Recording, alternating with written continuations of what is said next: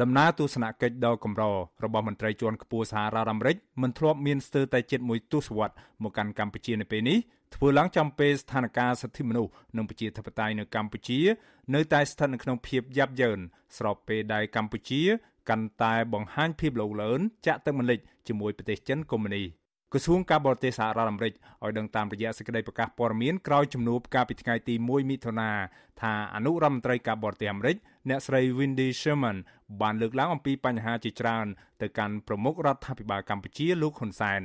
បញ្ហាទាំងនោះមានជាអាចដូចជាការធ្លាក់ចុះនៃការគោរពសិទ្ធិមនុស្សនិងប្រជាធិបតេយ្យកង្វល់អំពីវត្តមានកងទ័ពចិននៅកម្ពុជានិងការបដិញ្ញាចិត្តរបស់សហរដ្ឋអាមេរិកនៅក្នុងការគ្រប់គ្រងដល់ដំណើរការប្រជាធិបតេយ្យនៅកម្ពុជាជាដើមនៅក្នុងជំនួបទ្វេភាគីជាមួយលោកនាយរដ្ឋមន្ត្រីហ៊ុនសែនដែលក្នុងនោះក៏មានវត្តមានប្រមុខការទូតកម្ពុជា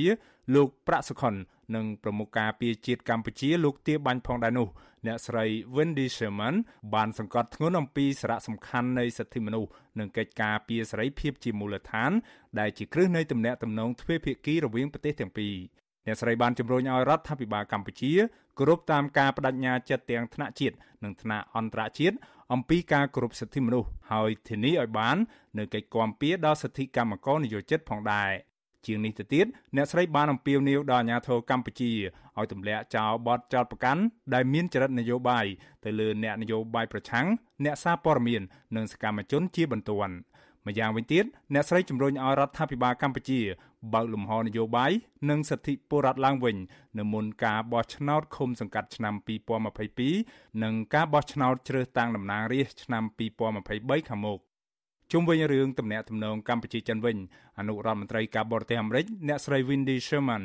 បានបង្ហាញក្តីកង្វល់យ៉ាងខ្លាំងអំពីវត្តមាននឹងការកសាងបរិខាយោធាចិននៅមូលដ្ឋានកងទ័ពជើងទឹករៀមអ្នកស្រីបានសួរបញ្ជាក់ថ្នាក់ដឹកនាំរដ្ឋាភិបាលកម្ពុជា អំពីការវាយគំទេចចោលអាគារ2ខ្នងដែលជាជំនួយរបស់សហរដ្ឋអាមេរិកនៅឯមូលដ្ឋានកងទ័ពជើងទឹករៀមដោយគ្មានការជូនដំណឹងឬការពន្យល់ឲ្យបានត្រឹមត្រូវច្បាស់លាស់ដល់ភាគីសហរដ្ឋអាមេរិក អ្នកស្រីគូបញ្ជាក់ថាមូលដ្ឋានកងទ័ពចិននៅកម្ពុជា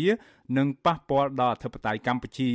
គំរាមកំហែងដល់សន្តិសុខតំបន់និងប៉ះពាល់ជាអវិជ្ជមានដល់ទំនាក់ទំនងទ្វេភាគីរវាងកម្ពុជានិងសហរដ្ឋអាមេរិក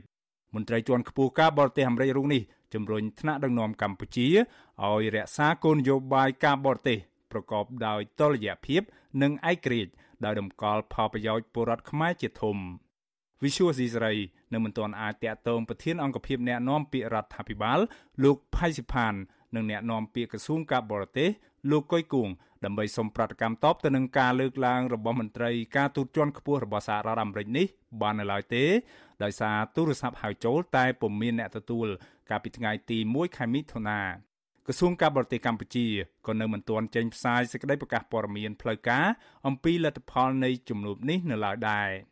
ទោះយ៉ាងណាលោកនាយរដ្ឋមន្ត្រីហ៊ុនសែនបានសរសេរនៅលើទំព័រ Facebook របស់លោកក្រោយជំនួបនោះថាទស្សនកិច្ចរបស់អ្នកស្រីអនុរដ្ឋមន្ត្រីការបរទេសអាមេរិកនៅពេលនេះគឺដើម្បីនាំលិខិតរបស់លោកប្រធានាធិបតី Joe Biden មកជូនលោកដែលលោកហ៊ុនសែនអះអាងថាដើម្បីធ្វើឲ្យល្អប្រសើរឡើងសម្រាប់ប្រទេសទាំងពីរលោកហ៊ុនសែនមិនបានបញ្ជាក់ពីខ្លឹមសារលម្អិតនៃលិខិតនោះទេហើយលោកក៏មិនបានគូបញ្ជាក់ ពីការឆ្លើយតបរបស់រដ្ឋាភិបាលទៅនឹងកង្វល់នឹងការជំរុញរបស់អនុរដ្ឋមន្ត្រីការបរទេសអាមេរិកពាក់ព័ន្ធទៅនឹងរឿងប្រជាធិបតេយ្យបញ្ហាសិទ្ធិមនុស្សនិងបញ្ហាមូលដ្ឋានកងទ័ពចិន នៅកំពង់ផែកងទ័ពជើងទឹករៀមនោះទេយ៉ាងណាលោកបានលើកឡើងពីការពេញចិត្តរវាងភាគីទាំងពីរចំពោះកិច្ចសហប្រតិបត្តិការលើការប្រយុទ្ធប្រឆាំងភេរវកម្មវិស័យមនុស្សធម៌ការរុករកអត្តធិធទាហានអាមេរិកបាត់ខ្លួននៅកម្ពុជា ការស្នើឲ្យអាមេរិកលុបចោលបំណុលទាំងដើមទាំងការជិត700លានដុល្លារអាមេរិកនិងកិច្ចព្រមព្រៀងបញ្ជូនពលរដ្ឋខ្មែរដែលប្រព្រឹត្តល្មើសពីអាមេរិកមកកម្ពុជាវិញជាដើមអ្នកនាំពាក្យគណៈបកប្រជាជនកម្ពុជា លោកឈឹមផលវរុនពន្យល់ប្រាវិសុយអស៊ីស្រីថាកម្ពុជានៅតែគោរពតាមរដ្ឋធម្មនុញ្ញបានយ៉ាងខ្ជាប់ខ្ជួនហើយពុំបានប្រព្រឹត្តកំហុសឲ្យមានវត្តមានកងទ័ពចិននៅលើទឹកដីកម្ពុជានោះទេ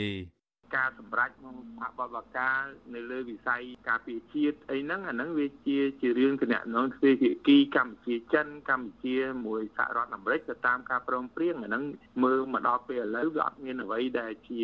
កំហុសរបស់កម្ពុជា ដែលមិនអនុវត្តរដ្ឋធម្មនុញ្ញទេគឺកម្ពុជាអនុវត្តបានត្រឹមត្រូវតើហើយអត់មានទាហានបរទេសឬក៏មូលដ្ឋានទ័ពអីទេគ្រាន់តែជាការជួយរបស់មហាអំណាចនានាឬក៏ដោយប្រទេសនានាដល់កម្ពុជារួមទាំងវិស័យយោធាផងយ៉ាងណារដ្ឋមន្ត្រីការពារជាតិកម្ពុជា លោកទាបាញ់បានទម្លាយប្រាប់វិសុវស៊ីសេរីនៅមួយថ្ងៃមុនជំនួបជាមួយអនុរដ្ឋមន្ត្រីការបរទេសអាមេរិកនេះដោយសារភាពថាកម្ពុជាពិតជាបានអនុញ្ញាតឲ្យចិនអភិវឌ្ឍកំពង់ផែកងទ័ពជើងទឹករៀមប្រកាសមែនក្រោយពីបានវាយគំទេចចោលអាគារជាជំនួយរបស់សហរដ្ឋអាមេរិក លោកថាចិនផ្ដល់ជំនួយឥតសំណងហើយក្នុងនោះក៏មានវត្តមានកងកម្លាំងរបស់ចិន មកជួយអភិវឌ្ឍកំពង់ផែកងទ័ពជើងទឹករៀមផងដែរ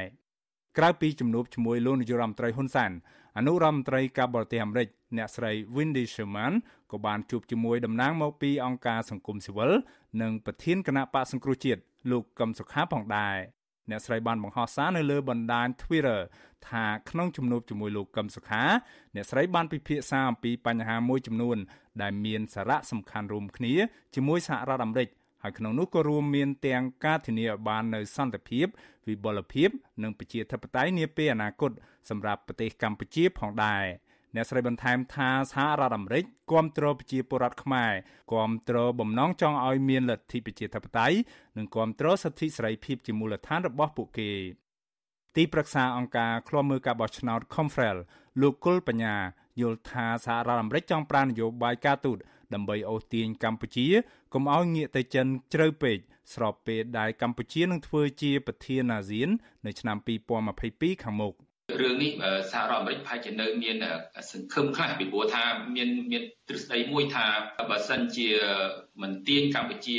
មកក្នុងអាស៊ានក្នុងកិច្ចសម្បត្តិការជជែកគ្នាដោះស្រាយបញ្ហាទេកម្ពុជានឹងងាកទៅចិននឹងកាន់តែជ្រៅទៅជ្រៅទៅហើយនៅមានជំនឿថានឹងទាញកុំឲ្យងាកទៅជ្រៅពេកហើយដោយប្រើការទូតឥឡូវនេះខ្ញុំមើលទៅប្រហែលជានិន្នាការនឹងហើយហើយនិន្នាការហ្នឹងទាំងជប៉ុនផងក៏យល់ឃើញអញ្ចឹងដែររបៀបរបៀបធ្វើការគឺថាយកការទូតដើម្បីតាក់ទាញកម្ពុជាកុំឲ្យទៅជ្រៅចិនប៉ុន្តែខ្ញុំមើលទៅខាងភាគីកម្ពុជាទេហាក់ដូចជាបង្ហាញថាខ្លួនបានលំអៀងទៅចិនច្បាស់ហើយព្រោះខ្លួនយល់ឃើញថា